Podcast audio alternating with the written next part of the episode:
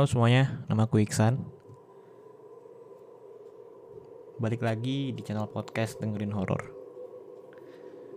Belakangan ini di bulan Desember akhir-akhir ini, uh, aku mau coba buat cari-cari treat horor yang dahulu-dahulu kala gitu. Dahulu kala.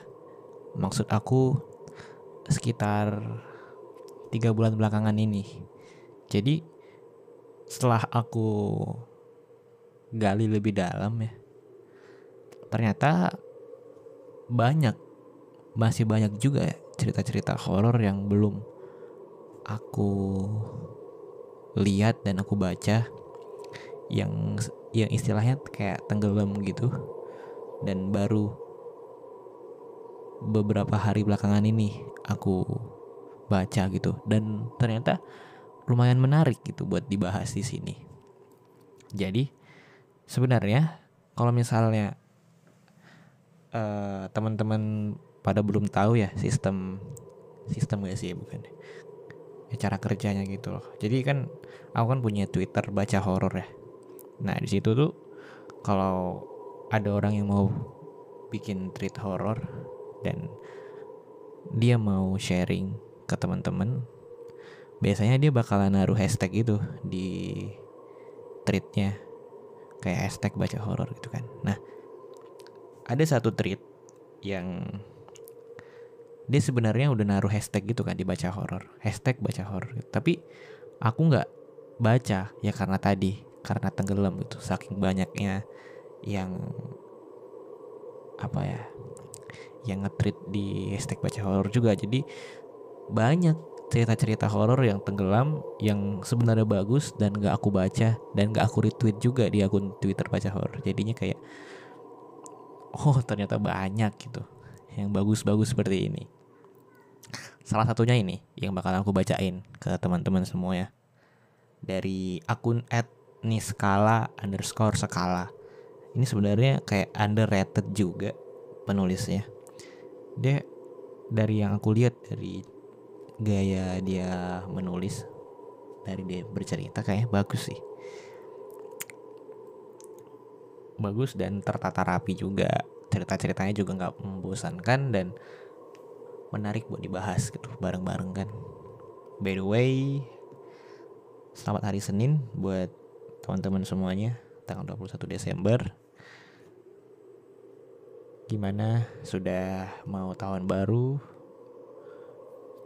Semoga tahun depan bisa lebih baik dari hari bisa lebih baik dari tahun-tahun sebelumnya. Oke deh, kita mulai aja. Jadi tweet ini bahas tentang pelet cinta memakai tanah kuburan. Jadi sebelumnya ini judul tweetnya adalah lemah kuburan. Tweet ini membahas tentang pelet cinta yang memakai tanah kuburan. Ternyata hal ini bukan mitos atau isapan jempol belaka karena teman dari Mas Kalani Mas Kalani skala ini atau yang buat tweet ini tuh punya temen kalau bener-bener mengalami hal tersebut tepatnya menimpa mantan kekasih kawan saya Anto jadi skala nih skala ini punya temen namanya Anto terus dia punya mantan dan mantannya ini kena kena pelet cinta tadi yang dari tanah kuburan. Oke kita mulai. Dari sudut pandang Anto atau dari uh, temennya si skala nih skala ini. Oke sudut pandang Anto Waktu aku SMK, aku sempat memiliki seorang kekasih. Sebut saja namanya dia. Kami berpacaran belum lama, paling baru tiga mingguan. Namun, tiba-tiba sikap dia berubah. Dia menjadi cuek dan selalu membicarakan tentang mantan kekasihnya, yaitu Denny. Oke, Denny. Uh, sebentar. Dia punya mantan terus namanya Denny dan dia sering bahas Denny ke si Anto ini. Memang sih bisa ku bilang Denny ini orangnya ganteng putih keren dan punya mobil. Sangat jauh denganku yang cuma cowok sederhana dan biasa-biasa saja. Dia juga cantik manis dan banyak lelaki yang tertarik kepadanya Awal-awal aku berpacaran dengan dia, aku bercerita bercerita dengan bapakku. Karena memang aku selalu terbuka tentang segala hal. Bapak sempat bertanya kepada aku, "Kamu serius sama anak itu?" Ya, yang hati-hati aja. Lanjutnya. Karena aku merasa kejanggalan pada diri dia mulai melewati batas dan hal itu juga membuatku risih sebab dia terus-menerus membahas Denny di depanku. Dan aku pun melihat ada aura negatif yang terselubung dalam tubuh dia. Akhirnya aku memutuskan meminta bantuan Ozzy untuk menyelidiki sebenarnya ada apa dengan dia. Pada suatu siang, Aku sengaja mengajak Ozzy untuk datang main ke rumah dia. Saat kami sampai di depan gerbang rumahnya, sangat jelas kami melihat ada dua batu nisan di kanan kiri gerbangnya. Itu menjadi hal pertama yang kami temukan. Setelah itu, semua berjalan baik-baik saja. Aku dan Ozzy tidak menemukan kejanggalan yang lain. Kemudian, pada suatu hari, Aku mengajak dia untuk berwisata ke sebuah danau di kotaku. Seperti muda-mudi pada umumnya, kami menikmati pemandangan danau sambil ngobrol dan makan camilan. Tidak terasa hari sudah mulai senja. Tepatnya pukul 16.30, aku mengajak dia pulang. Namun sepertinya dia enggan, gak mau. Katanya dia ingin di sana sampai malam. Padahal aku yang tidak enak hati kepada orang tua dia karena harus mengantar dia di malam hari. Namun, dia bersikeras tidak mau pulang. Aku pun mengiyakan saja kemauannya. Kebetulan kami duduk di sebuah bangku taman yang menghadap langsung ke arah danau. Cahaya di danau tersebut ketika malam hari memang remang-remang. Apalagi kami duduk tepat di bawah pohon besar yang otomatis sedikit menutup percaya pencahayaan dari lampu yang ada. Dalam hatiku, tumben malam itu danau yang sedang agak sepi. Mungkin karena bukan hari libur atau weekend. Jadi mungkin gara-gara itu danau yang sepi kan.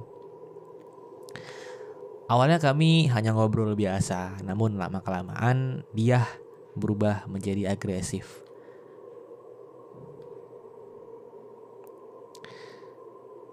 Dia yang awalnya kalem, tiba-tiba merapatkan duduknya ke tubuhku. Tangannya mulai menyentuh tanganku dengan lembut. Senyumnya yang manis dan menawan membuat hasratku menghilir di sekujur tubuhku. Aku pun membalas menggenggam tangan dia. Suasana di malam itu benar-benar sangat mendukung. Dia memelukku, tangannya memegang tengkukku, Aku yang saat itu masih lumayan polos tentu merasa kegelian dengan apa yang dilakukan dia. Namun, tiba-tiba kedua tangan dia beralih hendak mencekik leherku. Matanya melotot sembari mendorong tubuhku sampai tersungkur ke tanah. Dia menggarang sambil menyeringai. Ngomong mati kamu. Mati kamu. Mati, mati kamu. Dia kesurupan entah setan apa gitu. Aku hanya bisa gelagapan menahan nafas yang tersengal-sengal karena leher, leherku tercekik. Tenaganya berubah menjadi sangat kuat sampai-sampai aku pun tak mampu melawannya. Beruntung ada seorang bapak yang kebetulan lewat di belakang kami. Bapak itu pun sontak menolongku dengan mendorong dia. Seketika itu dia pingsan. Cukup lama aku menunggu dia sadar dengan ditemani bapak tadi. Kata bapak itu di daerah danau sana memang banyak penunggunya. Bahkan ada siluman ular yang sangat besar yang hidup di dasar danau. Jadi lebih baik jangan berpacaran di sana karena pasti akan banyak diganggu. Setengah jam kemudian dia sadar. Lalu buru-buru aku mengajak dia pulang.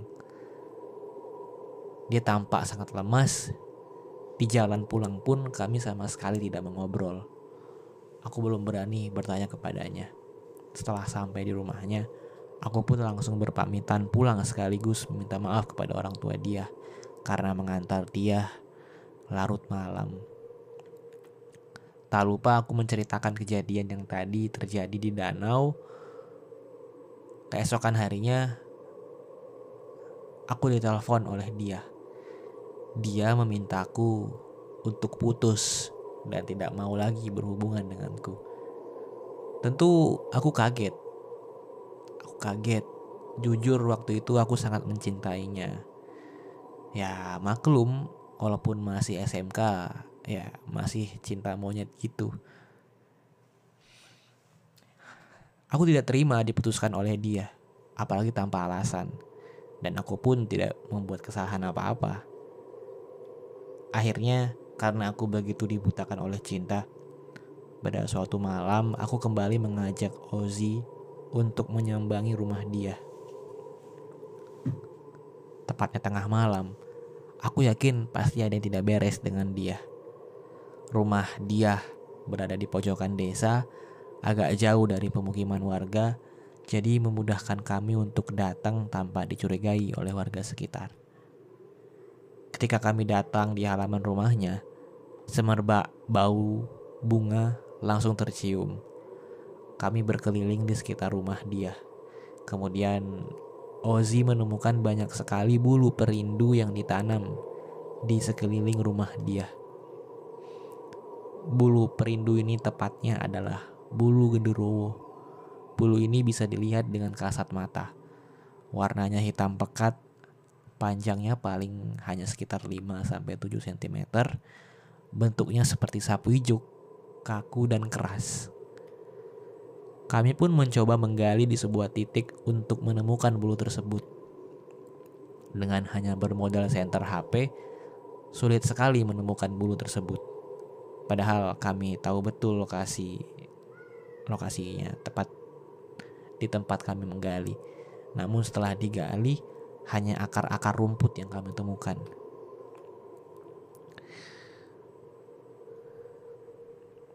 Oh jadi mereka kayak mencoba buat nyari bulu-bulu tadi kan dan akhirnya mereka kayak nentuin titik ini nih buat digali. Eh ternyata nggak ketemu, susah gitu kan.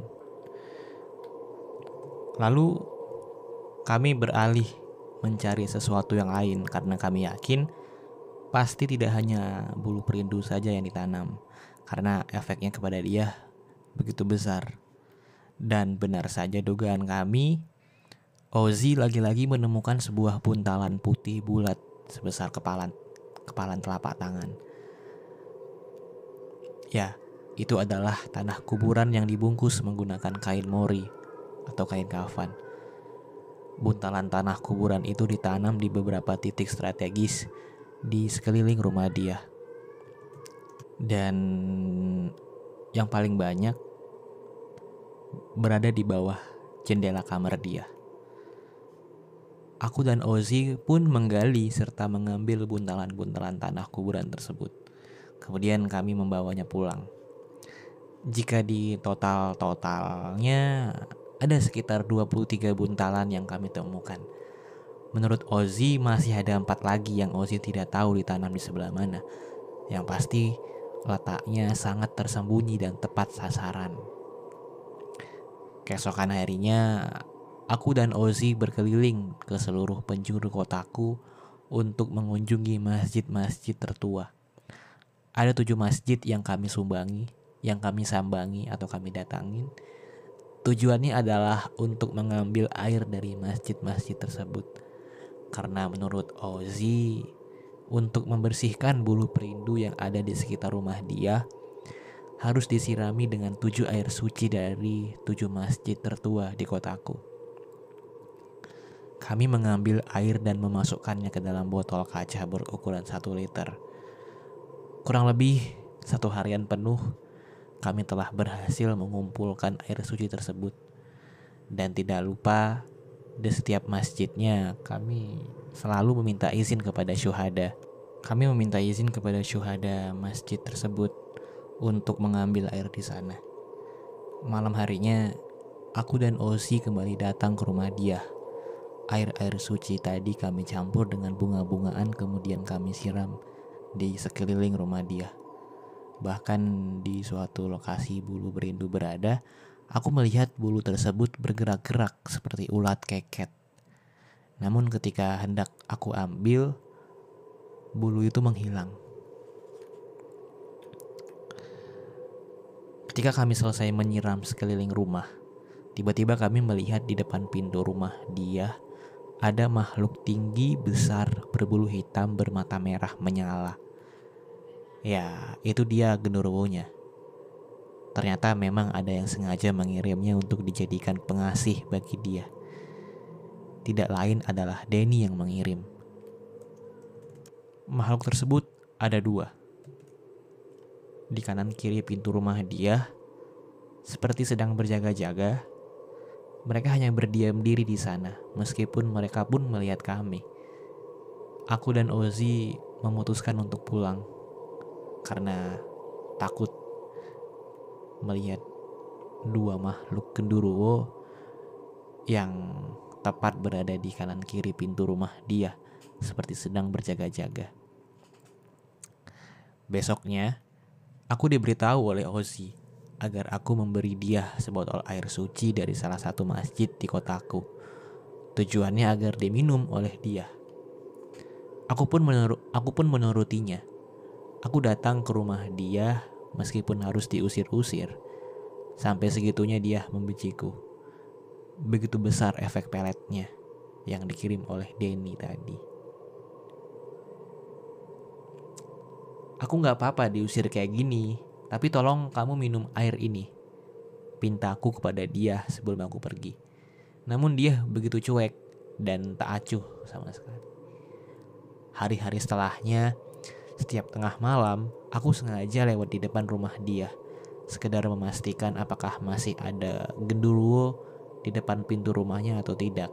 Dan ternyata mereka masih berdiam di sana. Itu berarti dia tidak meminum air pemberianku. Aku memaksa Ozi untuk menemukan empat buntalan tanah kuburan yang belum ditemukan. Berhari-hari Ozi berusaha melakukan perjalanan spiritual. Awalnya masih belum mendapatkan hasil. Akhirnya seminggu akhirnya seminggu kemudian Ozi memberitahu bahwa keempat buntalan tanah kuburan yang tersisa sangat sulit untuk bisa ditemukan. Yang pertama, buntalan itu dimasukkan ke dalam botol dan dibuang ke laut. Yang kedua, buntalan itu dibakar dan abunya ada di tumpukan baju dia di lemari. Yang ketiga, buntalan itu ada di dasar sumur dia.